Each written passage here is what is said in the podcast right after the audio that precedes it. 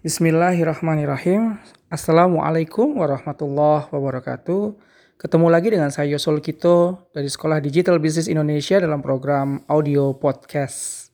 Teman-teman sekalian, kesempatan hari ini saya ingin menyampaikan atau sharing tentang bagaimana sih membuat konten iklan media sosial kita agar terlihat menarik dan bisa dipercaya. Nah, ini yang paling penting. Kenapa? Karena masalah uh, pebisnis online adalah konten kreator.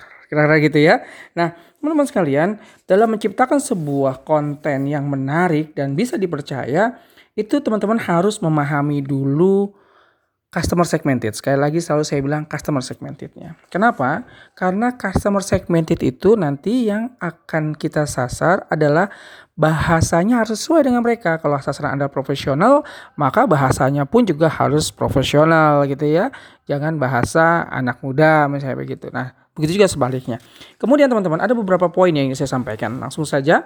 Yang pertama adalah ketika Anda ingin memberikan penawaran di konten media sosial Anda yang harus Anda harus perhatikan pertama adalah benefitnya. Benefit untuk siapa? Benefit untuk customer pastinya ya. Jadi langsung kita tawarkan benefitnya. Kenikmatan-kenikmatan apa? Edit value apa yang bisa dia dapatkan gitu ya. Kalau misalnya ada biaya yang dikeluarkan, maka harus kita sampaikan return of investmentnya. Balik balik modalnya berapa lama? Atau kalau di investasinya misalnya uh, ikuti Eh, atau beli produk kami sekarang juga dengan harga 100.000 Anda akan mendapatkan bonus A senilai 20.000, B senilai 50.000, C senilai 40.000, maka sebetulnya dengan membeli 100.000 Anda berhak mendapatkan uang lebih selain dari produk yang Anda dapatkan. Kira-kira begitu. Kemudian Anda juga harus memberikan informasi tentang nilai positif dan nilai negatif dari produk ada Anda maksud saya kemungkinan membeli kalau membeli produk Anda maka positifnya apa gitu dan kalau tidak membeli produk Anda maka negatif yang akan didapat dari customer apa.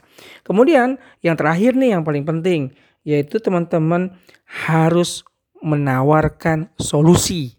Jadi tawarkan solusi produk yang disukai adalah produk yang menyelesaikan solusi customernya kira-kira gitu. Baik, sementara itu dulu teman-teman sekalian. Audio podcast saya mudah-mudahan bermanfaat buat teman-teman sekalian.